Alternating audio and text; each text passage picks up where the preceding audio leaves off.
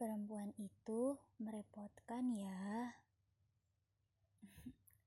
Dari manjanya, sering kali minta ditemenin makan, jalan-jalan, belum lagi saat emosinya enggak stabil, marah-marah enggak jelas, dan masih banyak lagi. Gak ada kata lain untuk seorang laki-laki selain harus punya kesabaran yang banyak dan kelembutan yang ia punya. Kalau kata penyair terkenal Nizar Kobani, perempuan itu seperti anak kecil yang merepotkan. Dan ketika ia sudah tak lagi merepotkanmu, ketahuilah bahwa ada orang lain yang telah memberikannya keindahan.